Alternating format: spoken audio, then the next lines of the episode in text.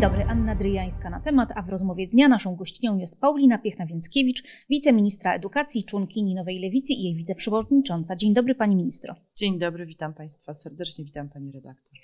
Co pani czuła, widząc we wtorek wieczorem Mariusza Kamińskiego i Macieja Wąsika wychodzących z więzienia po ułaskawieniu przez Andrzeja Dudę? Myślę, że w ogóle to jest e, absolutnie nie jest kwestia uczuć polityków, jednych czy drugich, e, i również mnie jako polityczki, a to jest kwestia e, uczuć i emocji towarzyszących obywatelom Polski, którzy po prostu um, oglądali całą tę farsę. Z badań jasno wychodziło, co większość z nas, obywateli, obywatelek, sądzi E, na temat tego, że jednak panowie powinni odbywać karę. Większość Polaków tak po prostu uważała. I większość badaniach. uważa też, że przestali być posłami razem z prawomocnym tak, wyrokiem skazującym. E, tak, tutaj to, to jest ewidentne. E, wydaje się, że po prostu e, obywatele Polski uważają, że zasada równości wobec prawa powinna dotyczyć każdego z nas. To jest naturalne, tak powinno to wyglądać w demokratycznym e, państwie. Co czułam? Czułam, że mamy za sobą jeden z aktów e, tego dramatu, który zawdzięczamy panu prezydentowi e, i Zjednoczonej Prawicy, który rozgrywa się już od jakiegoś czasu, a który można było naprawdę e, rozwiązywać w ramach prawa, zgodnie z zasadami prawa. Wystarczyłoby, gdyby prezydent po prostu E, wykorzystał akt łaski e, po prawomocnym wyroku na początku. E, I wtedy byśmy nie musieli przeżywać wszyscy tego dramatu. Mhm. Mówię również o rodzinach obydwu panów, ale przede wszystkim o, o społeczeństwie. Mhm. No ale y, z tym dramatem tutaj społeczeństwo też y, polemizuje w tym sensie, że no, powtarzają, że każdy jest równy wobec prawa i tak. Skoro są przestępcami, to powinni siedzieć, mówią internauci, i że równie dobrze można współczuć rodzinom wszystkich osadzonych w Polsce. E, na pewno, e, na pewno tak jest. Ja mam taką refleksję, że mm, to, że rodziny osadzonych e, wstawiają się za nimi, jakby szukają każdej drogi dojścia do tego, żeby poprawić los osadzonych. Mówi Pani o paniach Kamińskiej i Wąsik, żonach y, to skazanych polityków PiS. To jest taki, myślę, naturalny mechanizm i zrozumiały. Natomiast y, to, że ci dwaj panowie absolutnie nie przejmowali się y, prawami osadzonych oraz rodzinami osadzonych osób, których prawa po prostu, którzy byli ofiarami działań tych panów E, to, to jest e, też e, w tym dramacie widać ten akt hipokryzji. I kiedy ja czytałam, słyszałam, że warunki są nie takie w więzieniu, że to nie powinno tak wyglądać, to trzeba przypominać wszystkim, że panowie padli ofiarą reform własnych kolegów, pana ministra Ziobry, pana ministra Wosia. No i sami zawsze mówili, że areszt, więzienie to przecież nie jest e, e, miejsce, w którym miło spędza się czas, tylko odbywa się e, karę.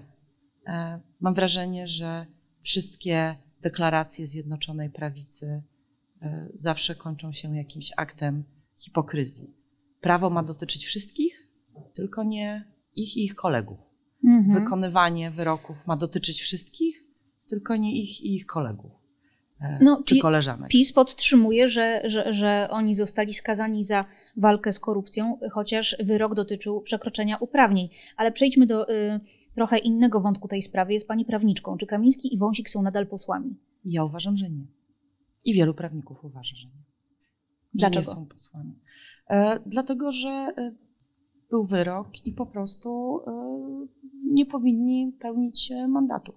Mhm. No to jaki będzie kolejny akt tej farsy czy tego dramatu, jak to pani nazwała? Zobaczymy jutro.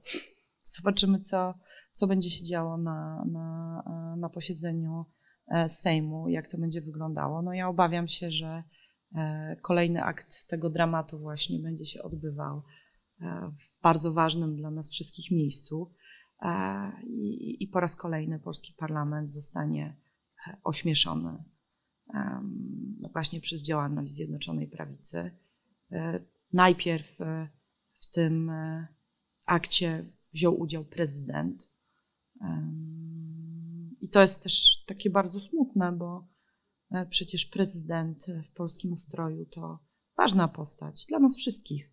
E, powinien stać na straży prawa, powinien stać na straży porządku, powinien być tym, który łączy, e, a nie dzieli. No i niestety nie mogę żadnej z tych rzeczy w przypadku również tej sprawy w pełni świadomie E, powiedzieć e, o działalności prezydenta Dudy czy jego ministrów. I, I jeszcze tutaj ten wątek tego, że w niedzielę prezydent Duda coś zapowiada, e, a wcześniej i później jego ministrowie zapowiadają coś zupełnie innego. To też musimy się zastanowić nad tym, kto tak naprawdę jest tą osobą, która ma ostatni głos w pałacu prezydenckim i jest mi przykro, że, że mówię te wszystkie rzeczy, dlatego że tak to po prostu nie powinno wyglądać. A może w ogóle nie potrzebujemy prezydenta? Leszek Miller na przykład się nad tym zastanawia, czy w kontekście tego przeciągania liny, z którym mamy teraz do czynienia, te wszystkie instytucje zostały naprawdę dobrze uformowane? Myślę, że za wcześnie jest na formułowanie tak daleko idących e, wniosków ustrojowych. To, że E, ten urząd prezydenta, e, że prezydent właściwie, właśnie nie urząd, bierze udział tak aktywny w upolitycznianiu tego urzędu, nie znaczy, że sam urząd nie jest potrzebny, nie jest dla nas ważny i, i że ustrojowo się nie sprawdzał. To są bardzo daleko idące wnioski. Ja bym nie chciała, w ogóle uważam, że tworzenie prawa Mm, reformowanie prawa e, ze względu na to, że e, ze względu na osoby, które wykonują dane urzędy e, albo podejmują jakieś decyzje, czyli no jest to jakaś sytuacja przejściowa jednak powinna być. Jest. No bo jest, też ograniczenie kadencji i tak dalej. Mniej niż półtora roku zostało Andrzejowi Dudzie. To, jest, to są pochopne, mm, pochopne wnioski, E, uważam, że one oczywiście wynikają pewnie z emocji związanych z tym, jak to jest rozgrywane, jak pan prezydent oraz jego środowisko po prostu postępuje.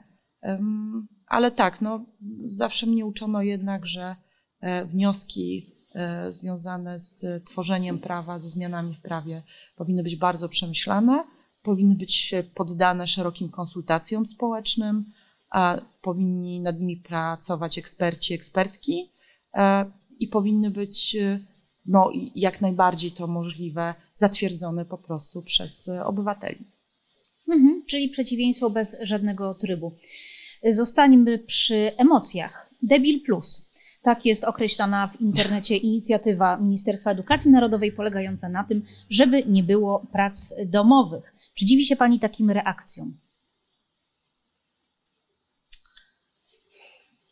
Każdy ma prawo do swoich opinii mm, związanych z, działalności, z działalnością jakiegokolwiek e, organu e, naszego państwa, reformami. Myślę, że przyzwyczailiśmy się też w Polsce do tego, żeby bardzo ostro reagować na, na, na, na różnego rodzaju reformy. Wolałabym jednak dyskusję merytoryczną. I na taką dyskusję liczę przy okazji konsultowania tego projektu. Zachęcam też Państwa do tego, żebyście do nas pisali o, o tym, mm, czy Wam coś się podoba, czy macie wątpliwości, jak chcielibyście, żeby polska szkoła y, wyglądała. Y, no, ja nie uważam, że, y, że, że jest to dobre e, określenie, zwłaszcza, że są kraje, w których e, mm, prace domowe albo e, nie funkcjonują, albo są poważnie ograniczane, i są również kraje, które poważnie na ten temat dyskutują. I są szkoły, są nauczyciele w Polsce również, którzy też taki program już od jakiegoś czasu sami realizują. Stawiają na to, żeby uczeń, uczennica uczyli się w szkole na współpracy ekspertów, czyli nauczycieli i dzieci, młodzieży, a nie na tym, żeby zmęczone dziecko po prostu stresowało się i zastanawiało, czy jest w stanie odrobić którąś z trzech prac domowych zadanych, na przykład z dnia na dzień. To nie jest tak, e, i były takie badania Instytutu IB, Instytutu Badań mm, Edukacyjnych, e, które mówiły o tym, że e, no w pewnym momencie, jak jest za dużo tych prac domowych, to przyswajanie tej wiedzy, że skutek jest odwrotny, prawda? W dzisiejszych czasach też, kiedy mamy do czynienia, no żyjemy w świecie sztucznej inteligencji.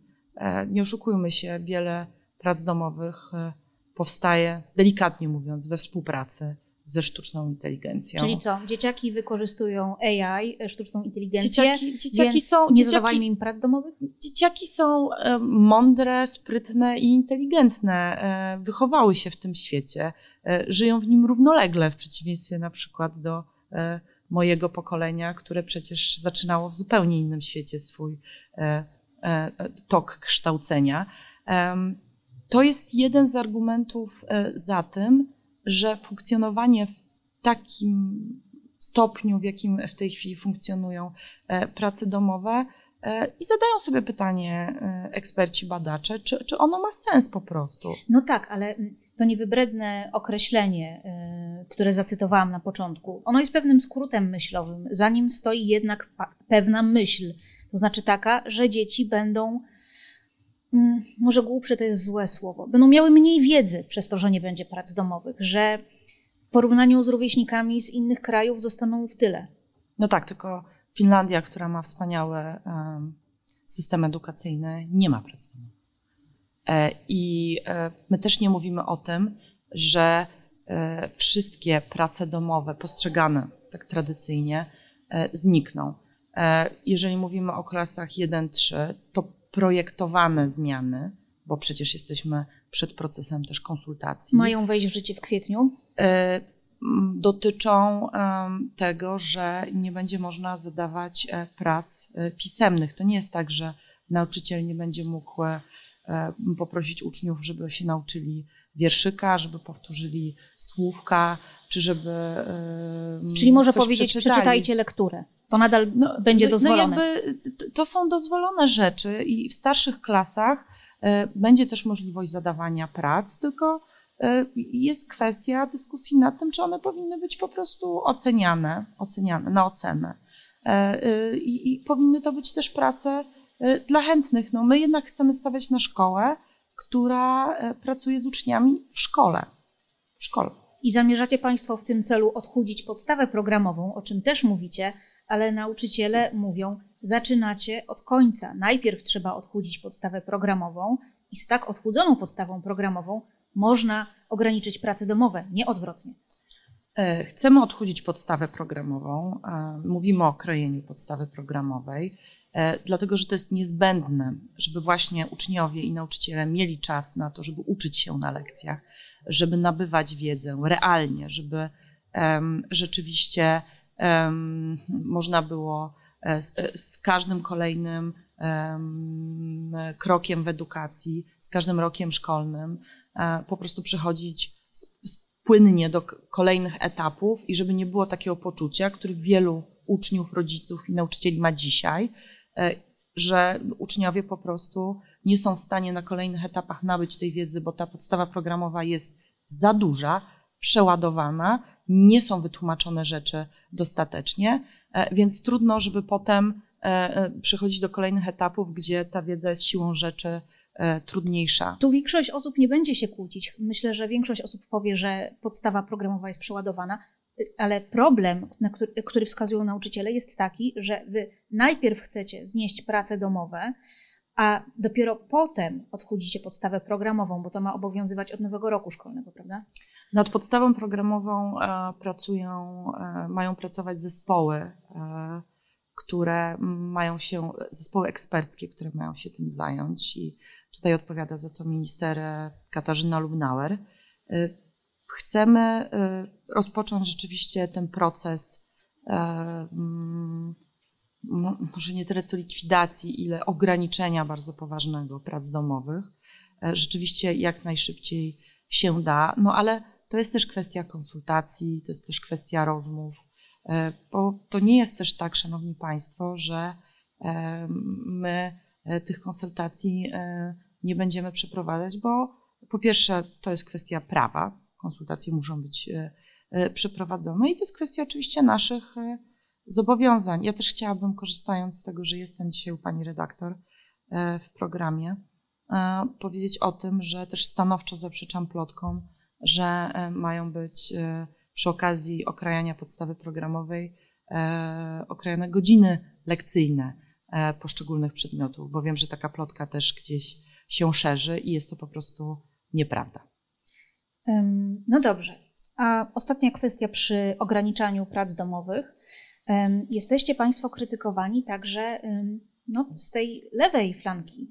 Pani e, partyjny kolega, wiceminister nauki Maciej Gdula obawia się, że zniesienie prac domowych albo uczynienie ich nieobowiązkowymi w tych starszych klasach spowoduje dalsze pogłębianie się nierówności pomiędzy uczniami. To znaczy ci uczniowie, którzy mają duży kapitał kulturowy, których rodzice przykładają do tego dużą wagę, jakby będą motywowani do tego, żeby się uczyć więcej, żeby robić te prace domowe, a ci, którzy takiego kapitału kulturowego i wsparcia w rodzicach nie mają, no, zostaną w tyle. Y, rozmawiamy też o tym z profesorem Gdulą ja rozmawiam. Myślę, że to też nie jest takie proste, ponieważ już w tej chwili wygląda to tak, że jeżeli rodzice mają wysoki kapitał kulturowy i odrabiają e, z dzieckiem lekcje, tudzież za dziecko lekcje, bo wielu rodziców, jak widzi swoje zmęczone dziecko, e, które ma kilka zadań domowych na następny dzień e, i część z nich zaczyna odrabiać na przykład po 21, po prostu wykonuje te zadania za dziecko. Pani też to robiła? Y, nie, staram się tego nie robić, dlatego że to jest kontrskuteczne po staram prostu. Staram się to nie jest nie. Y, czasami jest tak, że coś trzeba wytłumaczyć, prawda? Tylko właśnie kwestia jest taka, że e, dzieci powinny to robić w szkole. I czy pani redaktor można z pełną odpowiedzialnością powiedzieć, że nie ma różnic e, wtedy, kiedy lekcje odrabia bądź robi z dzieckiem biolog, fizyk z tego właśnie przedmiotu i rodzic, który nie ma zielonego pojęcia o tym przedmiocie, to, to, to wtedy różnic nie ma, jak rozumiem. No to to chyba tak nie jest, to chyba tak nie działa jednak. To znaczy, zawsze będzie tak, że e, rodzic z tak zwanym, w ogóle nie lubię tego słowa, e, wszyscy mamy różne zdolności i, różne doświadczenia, e, z wysokim kapitałem kulturowym może pomóc e, dziecku e, bardziej, jeżeli będzie e, chciał. Dlatego tak ważne jest, żeby ten proces kształcenia, uczenia się jednak był skupiony w szkole. Odniosła się Pani do plotki o e, ograniczaniu liczby godzin z różnych przedmiotów w szkole, ale chyba jest jeden wyjątek lekcje religii. Chcecie Państwo, żeby zeszły z dwóch do jednej tygodniowo. Czy zdążycie do nowego roku szkolnego? Po pierwsze, jeżeli chodzi o lekcje religii, to ta rozmowa odbywa się, musi się odbyć pomiędzy partiami tworzącymi rząd, tworzącymi E, koalicję. Co to e, znaczy rozmowa? Nie jesteście dogadani w tej sprawie? Rozmawiamy w tej sprawie, dlatego że e, wszyscy mamy przekonanie, tak ja to odbieram też odczytując programy, że rozdział państwa od kościoła to jest bardzo ważna konstytucyjna zasada, ale oczywiście każdy z nas ma inny pomysł na to, jak powinna ona być realizowana. No, jeżeli ja bym miała się wypowiadać jako polityczka lewicy, a nie wiceministra w, w rządzie koalicyjnym, no to przecież lewica jest za tym, żeby lekcje religii w szkole się nie odbywały. No a ministra edukacji mówi nie dwie godziny tygodniowo, tak jak teraz, tylko jedna. Czyli rozumiem, że to jest nadal dyskusyjne, że to może ulec zmianie? Pracujemy nad tego rodzaju rozwiązaniami, ale y, jesteśmy rządem y, koalicyjnym.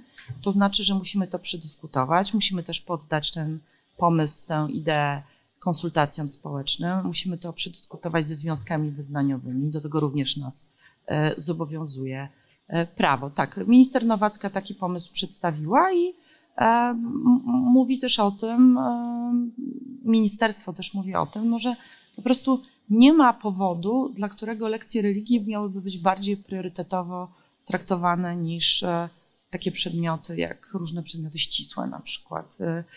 Też jest tak, nie wiem czy Państwo wiedzą w ogóle, że na przykład w Warszawie w wyniku tego, że właśnie jest dużo dzieci w niektórych szkołach, same, sama diecezja zgodziła się na to, żeby lekcje religii funkcjonowały jako jedna godzina, e, a nie dwie godziny. Jesteśmy też głęboko przekonani w ministerstwie, że dużo lepszym rozwiązaniem jest, żeby w ogóle dodatkowe zajęcia odbywały się na początku czy na końcu e, lekcji. Są, no tak, żeby dzieci, które nie uczestniczą, nie traciły czasu, tak, nie musiały są, są, są, siedzieć na korytarzu. Są szkoły, w które to robią, gdzie się to udaje.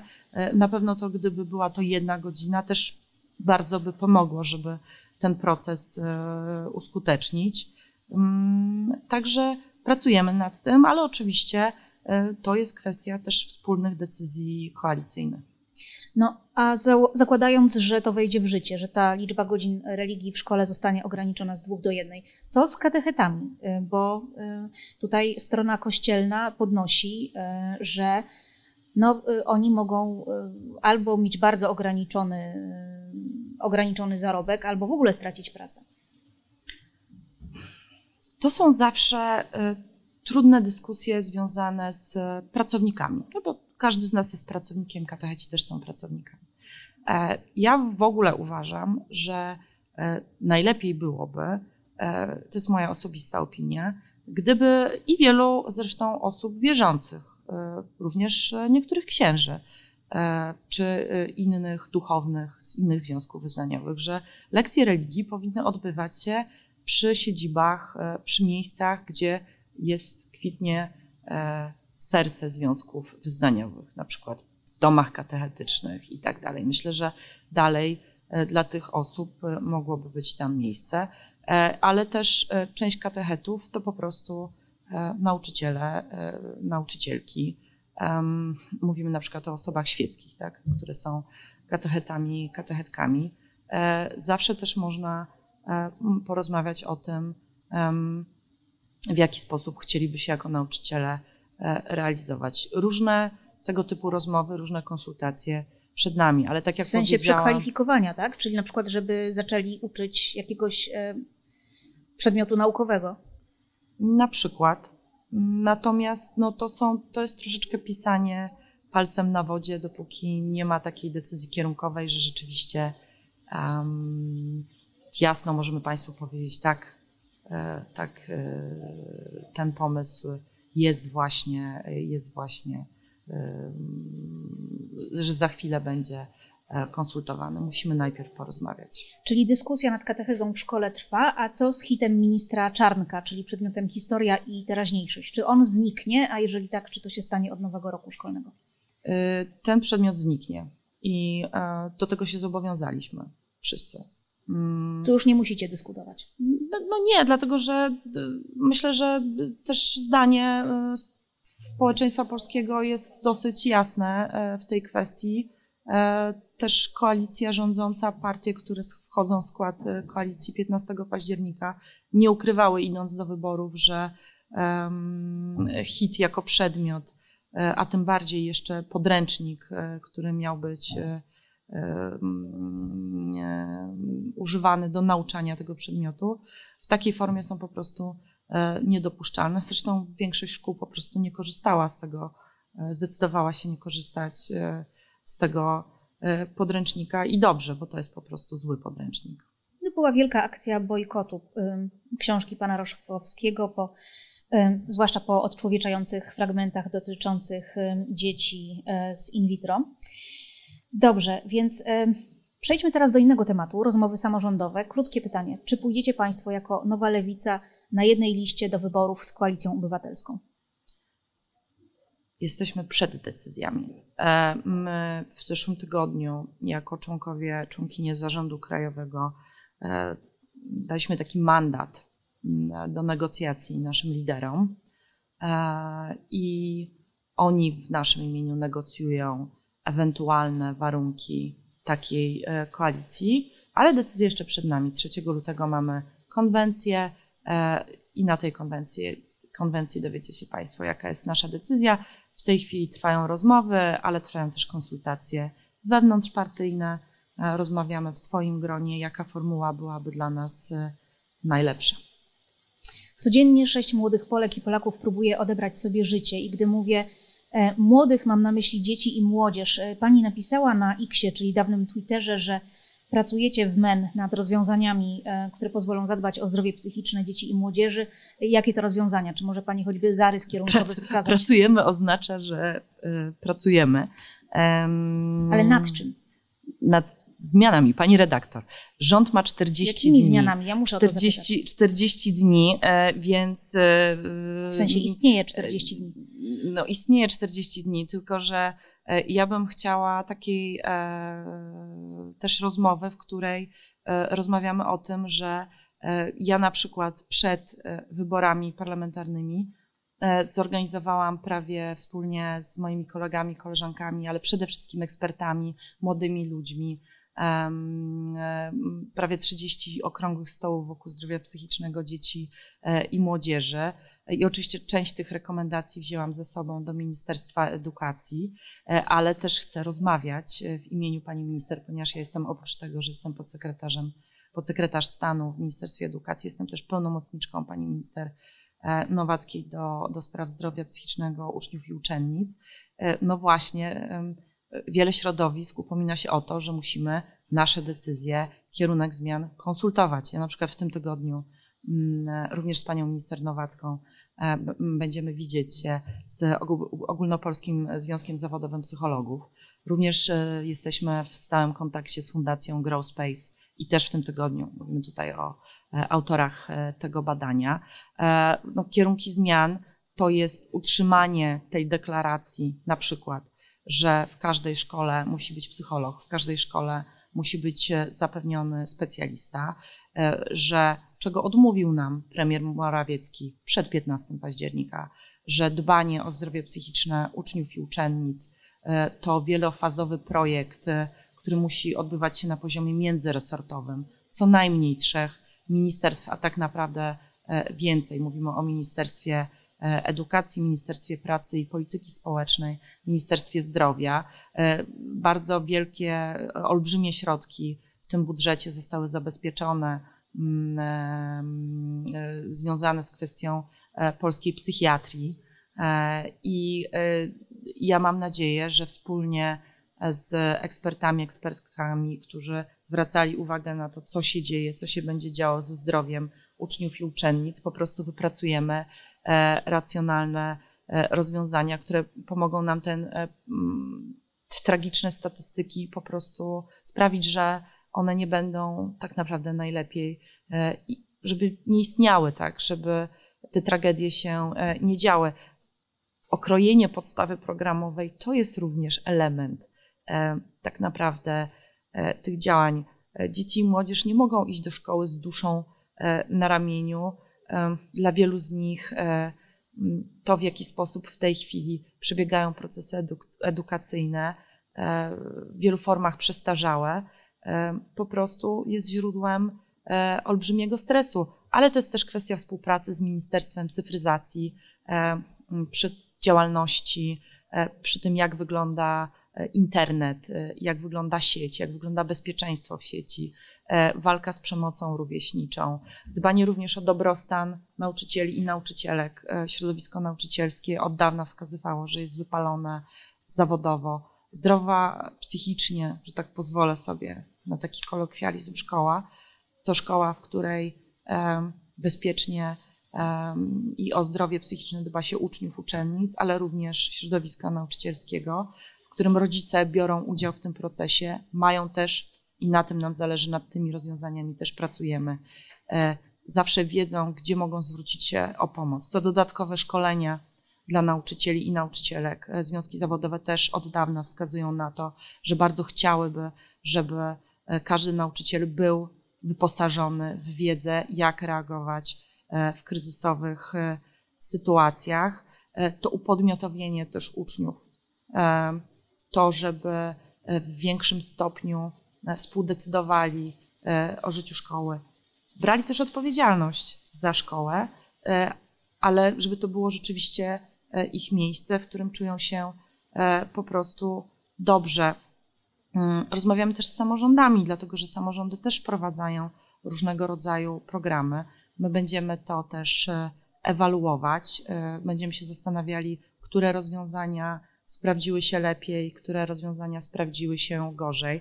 Będziemy rozmawiać też z ekspertami z różnych e, krajów. I pod koniec lutego odbędzie się bardzo duża konferencja, to już mogę zapowiedzieć, w imieniu swoim, w imieniu ministerstwa, dotycząca, dedykowana zdrowiu e, psychicznemu e, dzieci i młodzieży.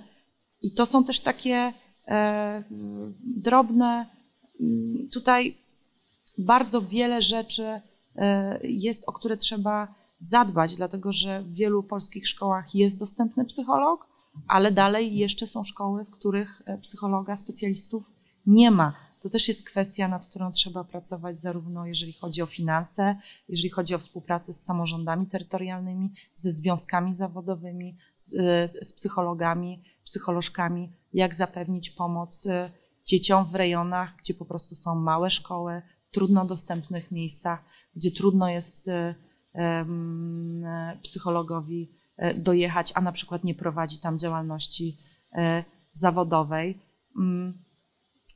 To jest bardzo wrażliwy temat. To Coraz znaczy... więcej specjalistów udziela pomocy zdalnie, więc y, jakby w tych czasach chyba jest to mniejszy problem. No to nie jest tak, y, dlatego że e, mm, pomoc y, zdalna jest oczywiście jakąś, może być częścią rozwiązań jest lepsza hybrydowych. Niż żadna. Jest, jest lepsza niż żadna, ale Hasło psycholog w każdej szkole wzięło się stąd, że badania, eksperci wskazują, że psycholog, e, e, psycholożka po prostu musi być obecny w życiu szkoły. Musi być taką osobą, Żeby ją która widzieć po prostu na korytarzu rano. tam funkcjonuje. Ale to też są drobne kwestie, znaczy z naszego punktu widzenia laików, drobne kwestie, jak na przykład warunki, w których pracują psychologowie, e, pedagogzki e, szkolne. Piszą do mnie uczniowie, uczennice, skarżą się, że nie ma warunków, gdzieś czasami muszą rozmawiać na korytarzu, albo wszyscy widzą, że, że idą do, um, do gabinetu, a chcieliby. Czyli że... mają rozmawiać o bardzo delikatnych kwestiach, ale niech to robią tak, wszystkich na korytarzu. Ale są też kwestie etyczne. Czy psycholog jest e, bardziej nauczycielem, czy bardziej jednak specjalistą, czyli mówiąc wprost, czy dziecko, młoda osoba jest bardziej pacjentem, prawda? Czy bardziej uczniem? No, moim zdaniem bardziej jednak a, pacjentem w takiej sytuacji. Jest Wielu kwestia rodziców może się przestraszyć tego słowa. Tego słowa? Pacjent. Ja myślę, że to jest słowo robocze używane e, w tym kontekście, ale e, ja nie wiem, jak można bać się słów, które mają pomagać. E, ja, ja wiem, że jest wiele stereotypów, dalej kwitnie niestety wokół pomocy psychologicznej, wokół zwracania się szczególnie o pomoc do psychiatrów. E, tylko mm, potem może być, Szanowni Państwo, po prostu za późno. To nie jest żaden problem, naprawdę żaden problem, że zwracamy się o pomoc dla siebie czy dla swoich dzieci. Problemem jest, kiedy dziecko tej pomocy po prostu nie ma, kiedy e, czuje się samotne, a wielu, wiele polskich dzieci, wielu młodych obywateli naszego kraju czuje się po prostu e, samotnych, e, czuje się osamotnionych w walce ze swoimi problemami, czuje, że nie ma do kogo i gdzie e, się zwrócić. Lęk przed stereotypami to są też sytuacje, które my tworzymy jako społeczeństwo. My po prostu musimy jasno i wyraźnie wreszcie powiedzieć, ten, kto zwraca się o, pomoc, jest po prostu mądry i rozważny e, i mm, dba e, o siebie, e, o, o, o swoje dzieci, o, o, społeczeństwo, o to, żebyśmy żyli w kraju, w którym wszyscy czują się bezpiecznie, które jest otwarte, inkluzywne, które nie jest tylko zbiorem indywidualności, tylko wychowuje. I to jest bardzo ważna też rzecz. Szkoła nie tylko edukuje.